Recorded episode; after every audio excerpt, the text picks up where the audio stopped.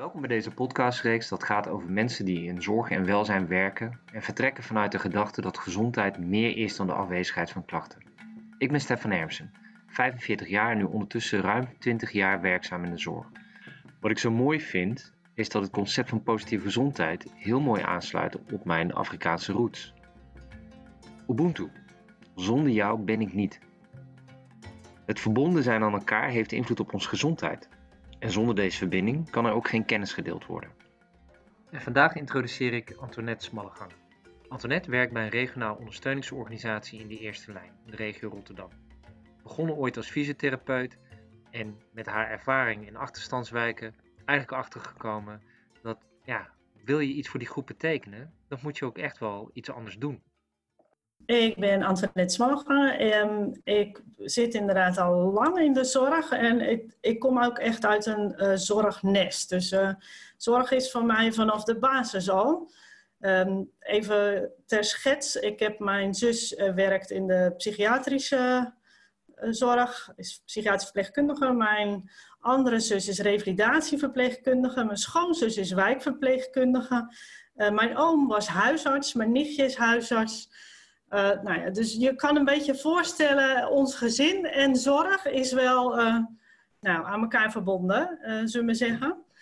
Um, en ik kom ook uit een landbouwgezin waar je ziet ook echt de combinatie tussen landbouw en zorg. Hè. Veel boerendochters gaan de zorg in. Dus in die zin ben ik wel geaard, nuchtere en de zorg. Dus dat, dat is denk ik wel kenmerkend voor mij. ik dacht altijd verpleegkunde, want dat was natuurlijk voor mij heel logisch. Maar ik dacht, ja, nachtdiensten niet helemaal. En bewegen was wel mijn ding. Dus uh, fysiotherapie was een uh, redelijk logische. Dus vanaf mijn dertiende zei ik, ik ga in de zorg en ik word fysiotherapeut. En dat, dat werd ik dus. Na hobbels. En nou, dat werd ik gewoon dus.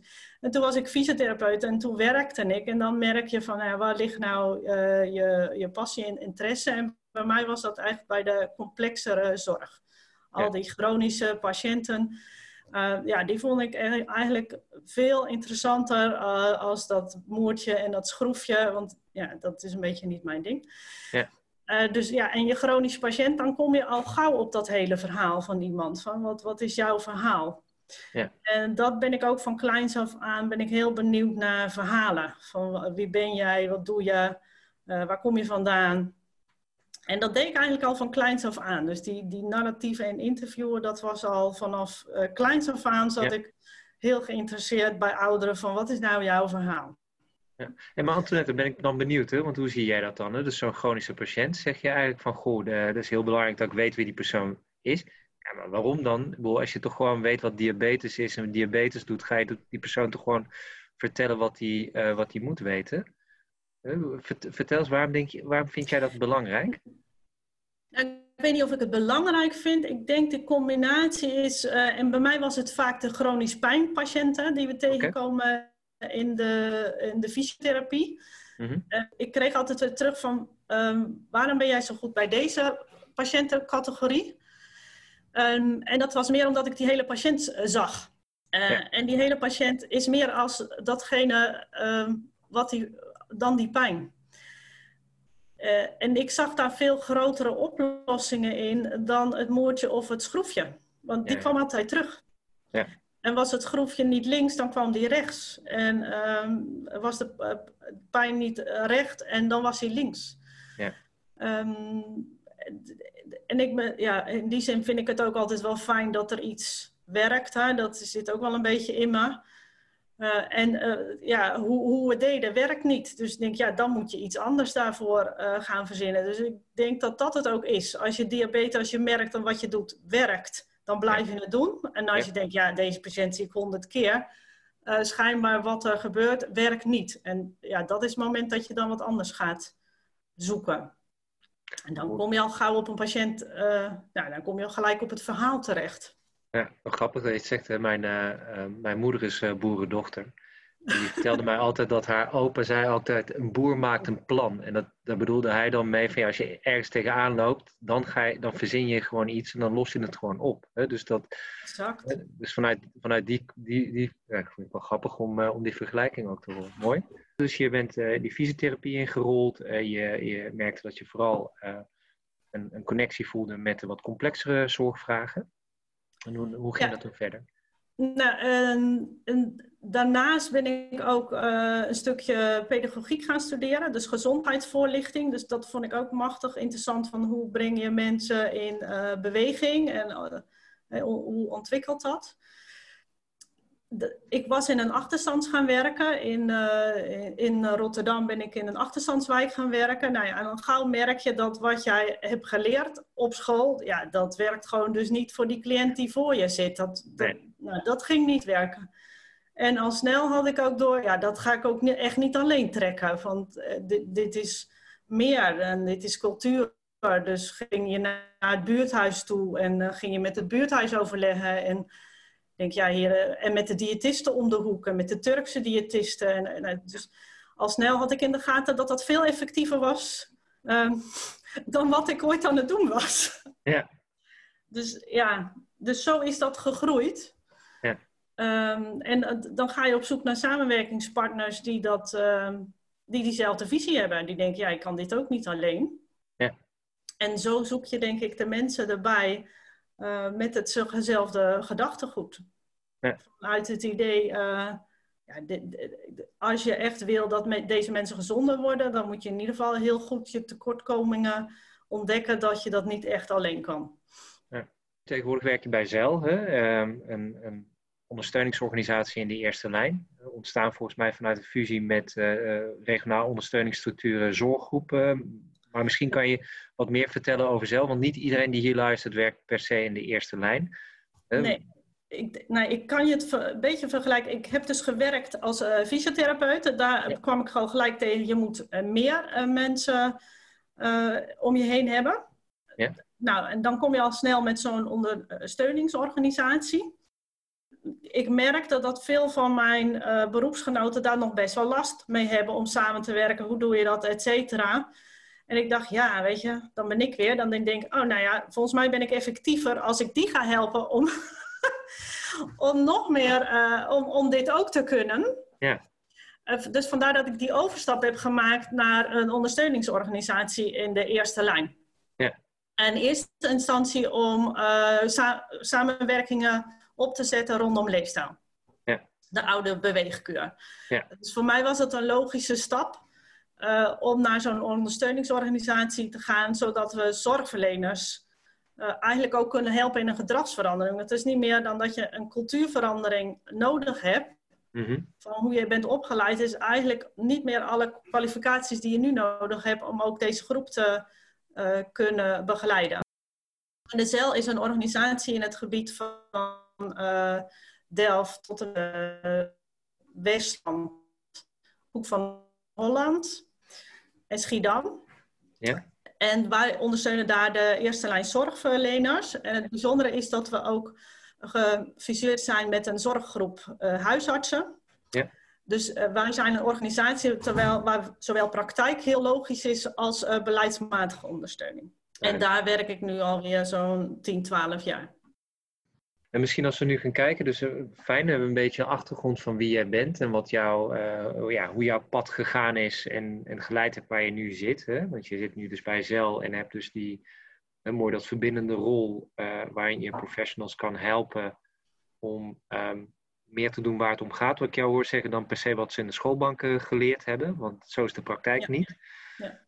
En kan je eens meenemen, wat is nou een voorbeeld van een traject waar jullie bezig zijn om ja, die zorgen ook wat beter aan te laten sluiten. Dat, dat gehele persoon, hè? wat je schetste, die, wat je deed als fysiotherapeut bij die mensen met pijnklachten. Ik ben begonnen met chronische zorg. En de chronische ja. zorg is natuurlijk gewoon die uh, complexere patiënt. Ja. En we waren toen heel erg in de, in de ketens, maar dat frikte bij sommige patiënten.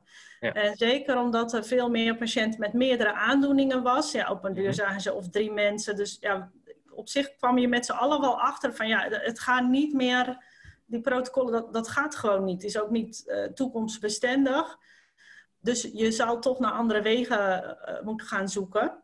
Ja. Uh, en de ketenfinanciering is ook niet toekomstbestendig. Ja, vertel, waarom niet? Nou ja, omdat die zorgpaden, dat is net wat ik zeg, als je een diabetes en, een COPD ja, en een heb je drie paden achter elkaar. Dus het, ja, je kan er nog een Parkinson na zetten, maar het, is, het, het wordt gewoon te duur. Dat, en het is ook niet meer logisch om het zo uh, te organiseren. Dan begrijp ik het goed dat je zegt van omdat we het zo geregeld hebben, krijg je ook dat iedereen, iedereen ook maar blijft werken. Want ik zit, hè, dus uh, iemand die zit mogelijk met drie trajecten naast elkaar. En dan gaan dan drie mensen vanuit die traject dingen doen, waardoor we het uh, A, niet passend maken. Wat, wat ik jou eigenlijk hoor, ook hoor zeggen, want je, je versterkt elkaar eigenlijk niet. Iedereen is op zijn eigen ding bezig. Ja. Je maakt het dus ook onnodig duur, waardoor je ook zegt van ja, dit, dus op termijn weet je dat daar mogelijk een verzekeraar zegt, ja, sorry, maar dit gaan we in ieder geval niet doen meer. Want nou, en ik, niet eens een verzekeraar, maar gewoon je hebt geen capaciteit meer, je hebt geen mankracht om dit oh allemaal zo te kunnen doen. En het is ook nog minder effectief, want je ziet, eh, nou, je hebt patiënten die zitten voor de long bij de ene en dan krijgen ze advies A en dan, ze krijgen ze bij de, dan gaan ze daarna naar de diabetesverpleegkundige en krijgen ze advies C.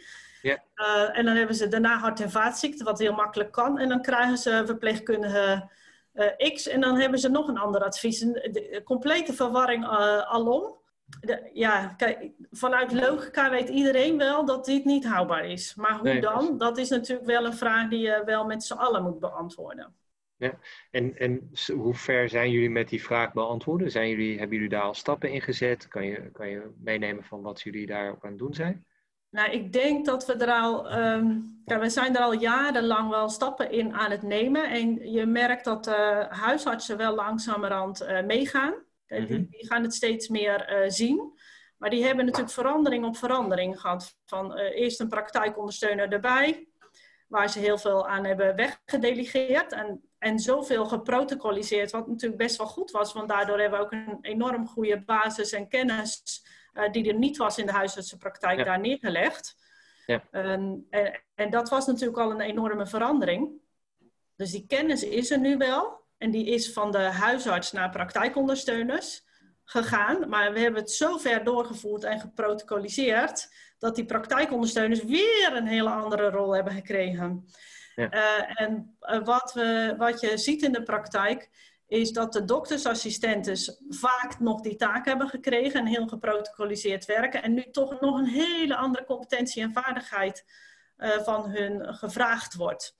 Dus de wil is er wel voor iedereen om te, om te veranderen en te gaan. Maar de competenties merk je dat wat achterblijven. En de huisarts gaat langzaam ook wel om. Hè? Want die spraken we aan, ga eens anders werken. Ja, die deden dat wel. Hè? Die, zagen op zich wel die complete persoon. En in dat werken en het gezamenlijkheid en, en in die complicaties, dat deden ze wel. Maar die praktijkondersteuners, ja, dat was een hele andere ja. Ehm, dat, is, dat is een andere vraag. En je ziet langzaam in de loop der jaren wel verandering ontstaan. Dat, dat, zeg ik wel meer. Je moet niet uh, dingen veranderen. Dingen veranderen. Het gaat zoals het gaat. Als er logica is, zal het toch wel. Hè, dat is net als een rivier, je stroomt gewoon die kant op.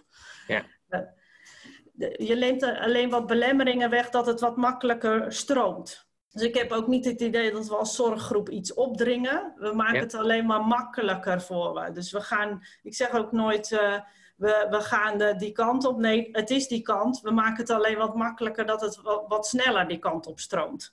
Ja, precies. En, en als ik, hè, wat ik ook weet van hoe jullie werken, hè, maar corrigeer me als ik hem uh, verkeerd verwoord. Hè, want volgens mij vind ik wel mooi. Dus, en om achter te komen welke belemmeringen er zijn en achter te komen wat maakt dat het goed stroomt, weet ik dat jullie dus juist ook gaan kijken van op praktijkniveau, wat helpt jou? Hè? Dus dat je die basisprincipes wat jullie, hè, practice what you preach, hè, wat je verwacht dat die praktijkondersteuner en huisarts bij die patiënt doen, dus die patiënt als heel zien, zien jullie die praktijk ook als heel en, en ja. doen jullie dat op die manier, toch?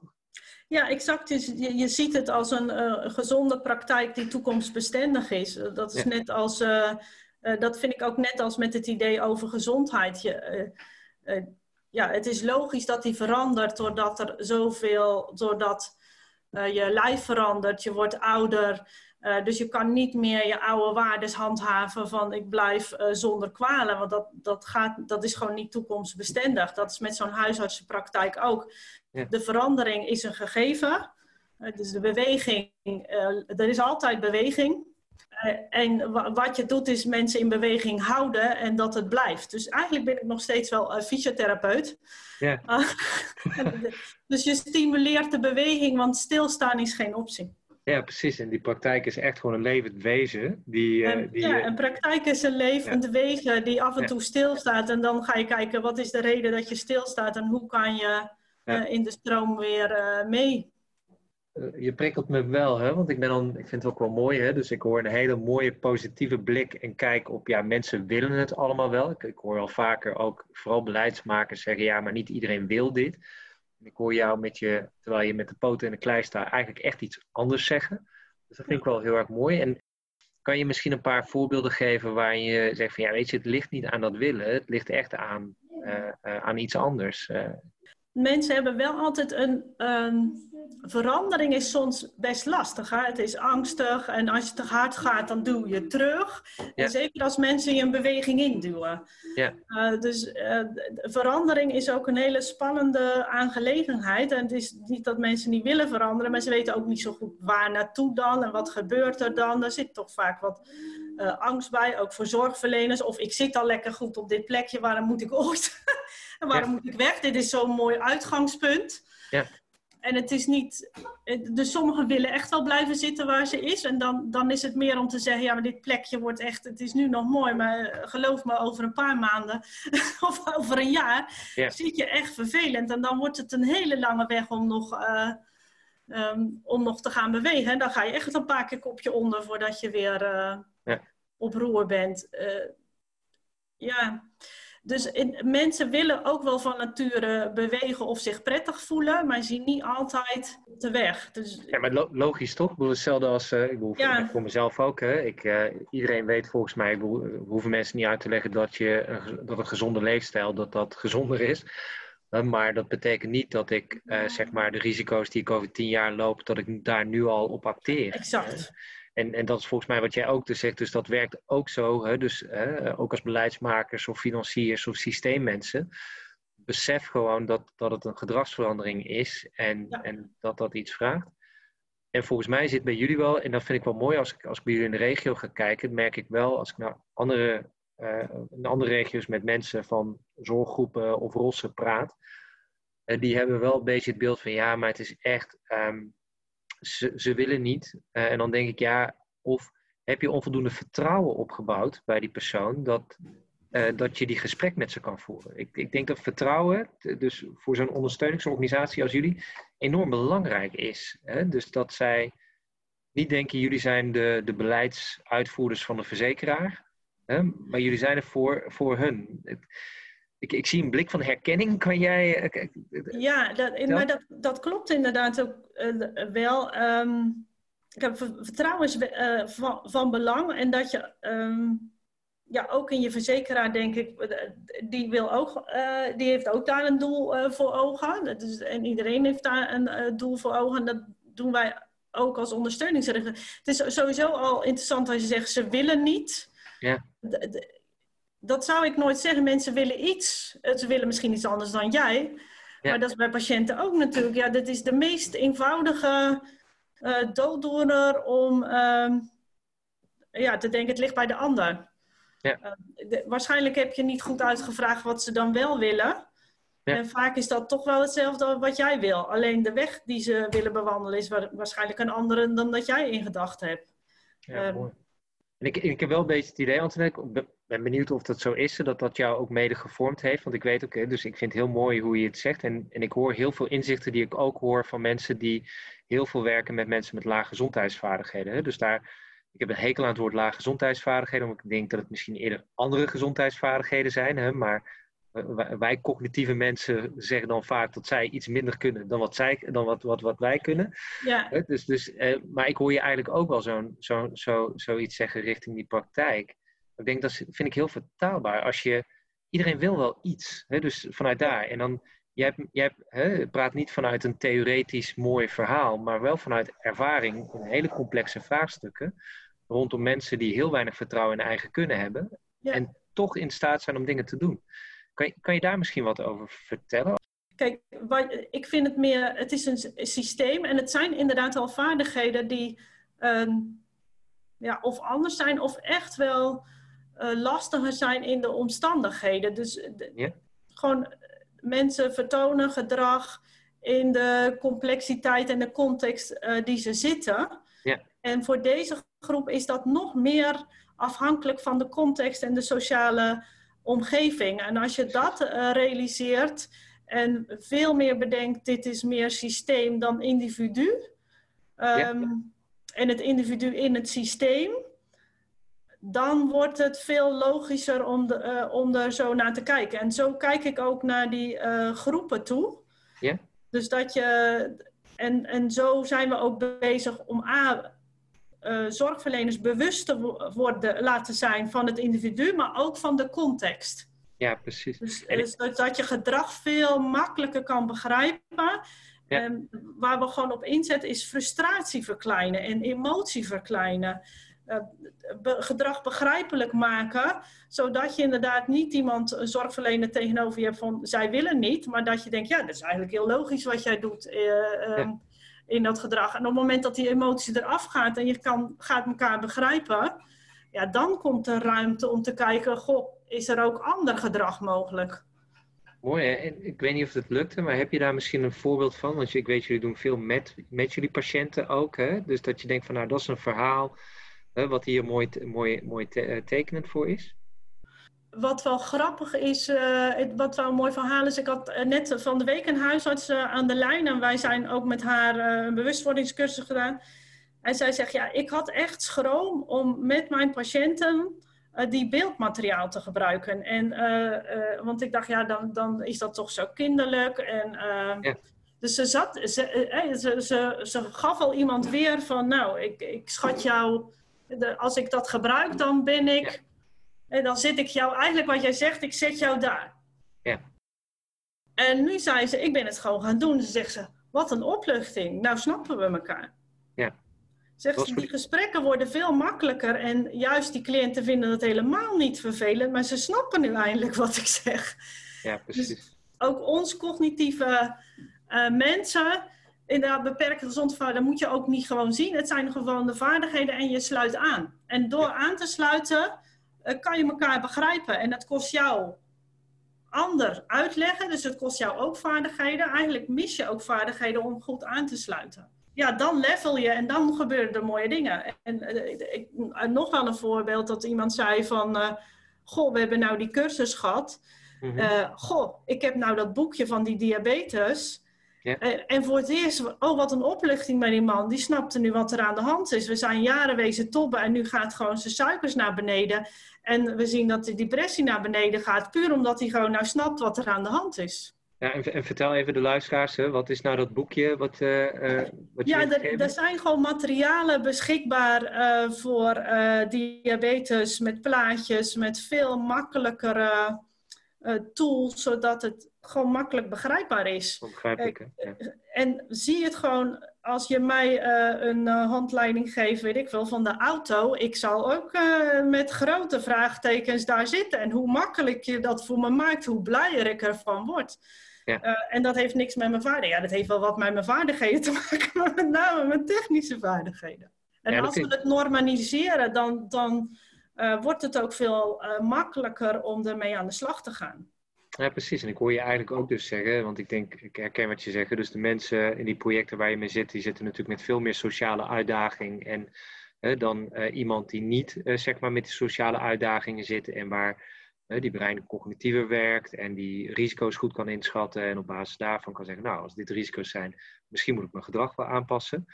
Maar ik hoor je eigenlijk ook zeggen, wij hebben allemaal, brengen we onze complexe context mee. En dus hè, als je bijvoorbeeld zo'n thema als waarom gaan al die zorgverleners nou eens niet digitaliseren? Hè, of waarom gaan al die, al die, het is toch, je bent toch huisarts, je bent toch hartstikke intelligent, waarom pak je dit niet op? Dan zit het misschien wel op dat soort punten. Dat, dat denk ik wel. En op een of andere manier hebben we, uh, zitten, maken we een heel groot gat tussen intelligentie en, en vaardigheden. En mhm. vinden het ene veel meer als het andere. Uh, dat doe ik zelf ook uh, vrolijk aan mee. En dat maakt die kloven alleen maar uh, veel groter. Als we allemaal beseffen dat we iets wel of niet kunnen. En daar gewoon respect bij hebben voor de ander. Dan gaan we mekaars kwaliteiten ook wat meer zien. Ja, precies. en ik, ja, ik vond het ook wel typisch. Ik had toevallig ook nog deze week ook met een beleidsmaker, cognitief psycholoog. En hij zegt, ja, ja die beperkte gezondheidsvaardigheden. Ja, dat is dat fonds achterstandswijken. Ik denk, ja, precies. dat is je moeder. Ja, ja, precies. Dat kan je moeder zijn, dat kan je oma zijn, dat kan je kind zijn. Uh, uh, laten we gewoon, uh, gewoon denken, ja, bedenk wat jij niet kan, bedenk hoe jij daarop mee geconfronteerd wil worden. en ga op dat niveau met je cliënt praten. Ja, dan hoor ik je zeggen, dat, dat is natuurlijk wel het mooie. Er zijn partijen, zeker binnen de zorg, Varelsen, die maakt daar hele mooie dingen in. Maar niet alleen Varelsen, eh, Stichting Lezen en Schrijven doe je ook veel meer mee. Ja, dus die maken hele mooie dingen die je gewoon gebruik van uh, kan maken. En hoe makkelijker jij het vertelt, hoe duidelijker, hoe makkelijker wordt het voor een cliënt. Ook voor een cliënt waar, waar jij denkt, nou, die is wel intelligent of, uh, of die is wel... Dat vind ik sowieso een rottige term, maar het, hoe duidelijker je bent in situaties waar je afhankelijk bent, is dat fijn. Maar dat vraagt dan dus ook, denk ik, van je als ondersteuningsorganisatie, om dus ook de mensen die je ondersteunt, de huisartsen, praktijkondersteuners, en voor jullie breder, hè, want jullie ondersteunen ook nog eens de paramedici en de psychologen, om daar wel dus goed kennis van te hebben van wie ben jij als, uh, als persoon. Ja. En dan je zit jullie in een hele complexe regio. We hadden het daar toevallig laatst over. Je zit in een regio dat volgens mij bijna alles uh, heeft wat heel Nederland in zich heeft, op misschien de krimpregio's na. Jullie hebben plattelandsregio's, jullie hebben ook krimpregio's. Ook krimpregio's. Dus, uh, dus, en, en wees daar maar eens een eenheidsworst ondersteuningsorganisatie voor. Dat gaat ook eigenlijk niet, toch?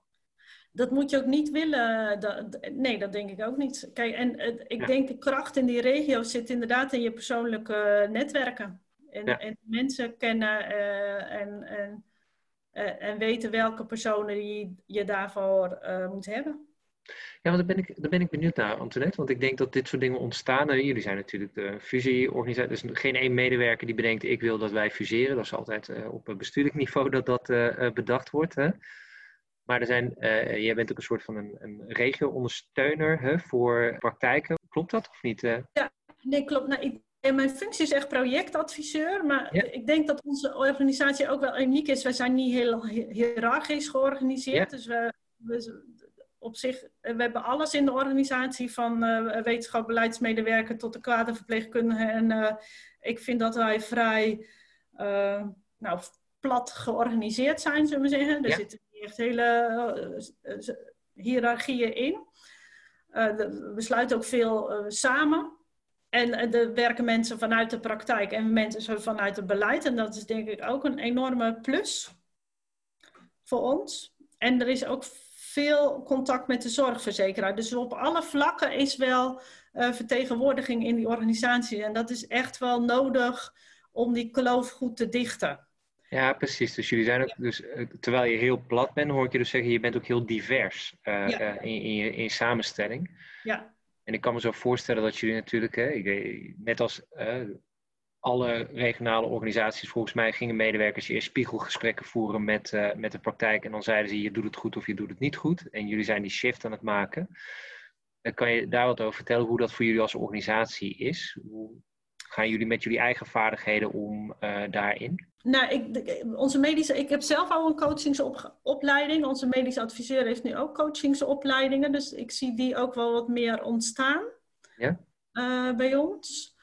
Maar ook zitten we daar denk ik nog wel wat uh, diverser in. Maar goed, de praktijkonders of de, de mensen die die praktijken begeleiden, uh, zijn eigenlijk ook heel divers. Ja. Dus we hebben mensen die vrij goed zijn in organiseren. Dus de praktijkmanagerskant, die trekken we ook steeds meer in de organisatie. Uh, omdat dat inderdaad wel randvoorwaarden zijn voor huisartsen om te werken. Ja. Uh, de, dus, dus we hebben en of we huren ze in. Hè? Dus je hebt mensen in dienst die gewoon dicht tegen die praktijk aanzitten en, en, en goed kunnen organiseren. Mhm. En, en je hebt denk ik mensen die meer als ik, die wat meer innovatief of wat verder uh, wegkijken. Ehm, en ik zit dan meer op praktijken die dat ook willen. Dus ja, precies. Dat hebben we onderverdeeld. Ja, en dan, en, oh, ja, maar eigenlijk weet je, misschien is het niet belangrijk, maar ik ben dan benieuwd, is dat dan ook iets wat jullie zien als iets wat dynamisch is? Dus dat betekent dat je nu dus die praktijk ondersteunt. Als daar wat verandering in komt, kan het zijn dat een andere collega die rol overneemt en dat je niet per se aan een praktijk blijft plakken? Nee, dat, dat klopt. Dus, daar zijn wij, uh, dus dat is nu wel het geval. En ik denk dat we wat meer ook wel naar relatiebeheer gaan. Dus dat we wel een contactpersoon hebben voor die praktijk, voor alle ja, wisselwasvraagjes of wat organisatorische vraagjes. Dat ze wel een aanspreekpunt hebben, zullen we zeggen. En we vliegen expertise in wanneer dat dan nodig is. Precies, maar dan worden het schroefjes en boutjes en dan kunnen ze daar liever iemand anders voor vragen dan jou. Ja, dan is dat niet. Uh... dan is dan is, het, dan is de tijd voor mij om weg te gaan. Als het contracten en alle details, dan zie je mij weer uitvliegen. ja, precies. Mooi. Hey, en Antoinette, als we nou eens naar, naar de toekomst toe kijken. Ehm, heb jij, uh, uh, zeg maar, een, uh, een, een, ja, een droom of zo? Of is er iets wat jou bezighoudt, wat je denkt van, nou ja, weet je, daar wil ik heel erg graag nog de komende jaren een steentje aan bijdragen in, in de zorg? En nou ja, ik, zoals ik al zeg, ik blijf natuurlijk voor dat complexere wel uh, staan. Dus da daar zal ik nog steeds. Ja, dus voor mij is die gezondheidsverschillen en die, die uh, groep ehm, ehm, die dreigt de boot te missen, vind ik nog steeds het meest. ja, waar ik me voor zou willen inzetten. Ja. ja, dat blijft die de, de moeilijkste groep. Daar zou ik me toch nog steeds wel bij willen. Um, voor inzetten. Ja, en het zou echt nog wel mooi zijn als we die kloof toch nog iets kunnen gaan verkleinen. Ja, want eh, klopt het dat, uh, als ik het, ik dacht goed begrepen te hebben, we zijn natuurlijk heel erg lang bezig de afgelopen jaren met self-management en met eigen regie. En wat we volgens mij, wat ik ooit begrepen heb, wat we zien is dat die groep die in staat is om te doen, eigenlijk daar slagen we bij, die doen dat beter. Ja. maar die groep die, dat, die daar zeg maar op de manier zoals wat wij dat bedacht hebben, dat niet kan. Uh, daar zien we eigenlijk dat er geen verbetering plaatsvindt, waardoor eigenlijk de gezondheidsverschillen niet aan het afnemen zijn, maar eigenlijk eerder aan het ja, gelijk blijven of toenemen. Klopt dat of niet? Ja, dat, en dat klopt zeker. Ja, en het, zeker met de afgelopen jaren uh, zie je die groep steeds meer in de verdrukking komen. En ja, dat is een beetje ook uh, tijdgeest, denk ik. Hè? De, de, de, bubbels waar we in zitten. Um, ja. En je zit zo in je bubbel dat je niet merkt dat er eentje afdrijft en die wordt heel erg uh, boos daarom. Ja. Um, ja, en dat zie ik ook wel gebeuren. Of ik daar heel veel aan kan doen, weet ik niet. Maar ik zal daar toch, uh, nou, me toch daarvoor wel blijven inzetten voor in de, in de toekomst. En, en, en zoveel mogelijk mensen daar wel in meenemen. Kom eens uit die bubbel en laten we het met z'n allen doen. Ja, precies. En ik ben wel heel erg benieuwd, want jullie hebben natuurlijk ook wel die interventies gedaan hè, in jullie praktijken rondom het begrijpelijker te maken, om uh, die taalambassadeurs die jullie, uh, die jullie hebben. Dus ik denk, daar zullen we natuurlijk nu nog niet die effecten van kunnen zien. Maar ik ben wel benieuwd, als we over een aantal jaar kijken, of we dan kunnen kijken wat heeft dat nou uiteindelijk opgeleverd in jullie praktijken. En ja, zien we dan iets daar op, op die gezondheidsverschillen? Ja, en dat, nou, dat ben ik nog steeds wel benieuwd. Hè? Want nogmaals, het, zijn, het is enorm complexe problematiek. Dit weer.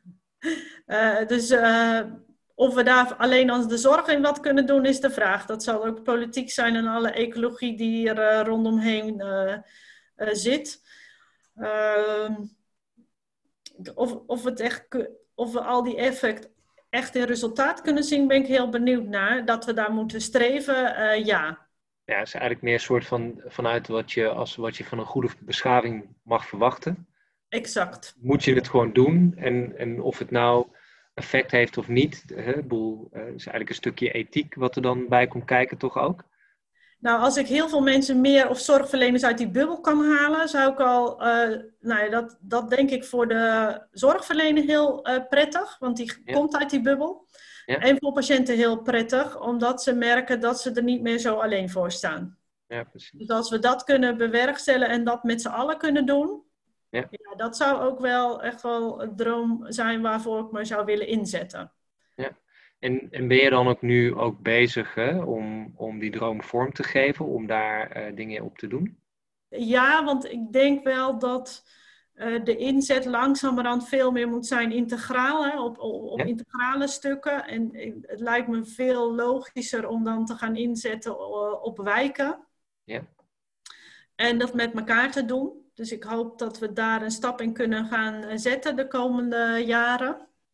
En, uh, in zo'n integrale aanpak. Precies, dus en wie, wie, is, wie is dan elkaar? Heb je daar een beeld bij? Moet ik, moet ik dan denken uh, met, met de, de, de logische zijn natuurlijk met die burgerinitiatieven, met welzijn en, en, en dat soort partijen. Maar je, je zit natuurlijk in die wijk. Zie je daar nog andere logisch, of ja, misschien juist onlogische partners waar je denkt van ja, maar waar we juist mee moeten gaan is met. Uh, gemeente lijkt me een hele goede. Uh, en, en dan uh, nou alle ambtenaren samen, hè, want dat is nogal, uh, ga eens integraal samenwerken in een gemeente. Dat is net zoals integraal samenwerken in een ziekenhuis, dat is een uitdaging. Ja. maar je hebt het wel nodig om gezondheid verder te brengen. Ja. Ehm, dus, dus ik zie het in de wijk, maar ik zie het ook wel landelijk. Kijk, hoe meer kennis we bij elkaar integraal in kunnen zetten, ja is gunstiger. Eh, wat ik heel praktisch ook uh, wil gaan doen, is een taalwereld, een hele educatie en taal. En taallessen. Als we die eens kunnen verbinden aan gezondheid.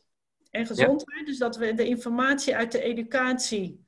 En de, want er zijn heel veel uit het onderwijs, misschien maar pedagogiek achtergrond. Er is zoveel kennis die we kunnen gebruiken in het zelfmanagement in de zorg. Uh, laten vooral die kennis eens gaan delen met elkaar. Ehm, de taal wil vaardigheden vergroten. En de D'tjes en T'tjes, daar krijgen we echt geen mensen gezonder mee. Nee, hè? Dan, en ook geen interesse voor trouwens. Eh, nee. Logisch, die mensen die achter staan, wij, ja, wat hebben ze aan een D en een T? Ze hebben er wel iets aan om een etiket te kunnen lezen. Dus laten we nou eens die werelden eens verbinden. Ja. En dat is voor mij op de korte termijn wel uh, wat ik bij ons in de regio wil gaan uh, uitzetten. Mooi. Ja, en wat dat betreft heb je natuurlijk een mooie regio. Want ik denk dat je zeker hè, in, in, uh, rondom Rotterdam, dat je daar mooie initiatieven, ook die gezondheidsvoorlichters vanuit Erasmus Universiteit zijn natuurlijk twee krachtige dames. Ja, zeker, zeker, zeker. Hè, dus, uh, nou, klinkt mooi. Dan heb je nog genoeg te doen de komende twintig jaar, uh, Antoinette. Ik denk het, ja, maar de... waarschijnlijk wel, ja. Hey, ik wil je heel erg bedanken voor het gesprek. Ik vond het een heel leuk gesprek. Ik ik hoop dat de luisteraars het ook erg leuk vonden. Ik hoop dat jij het leuk vond. Ja, leuk om te doen. Benieuwd naar meer? Luister dan naar andere afleveringen uit deze reeks. Wil je graag in gesprek met mij over het onderwerp gezondheid? Neem dan contact met me op.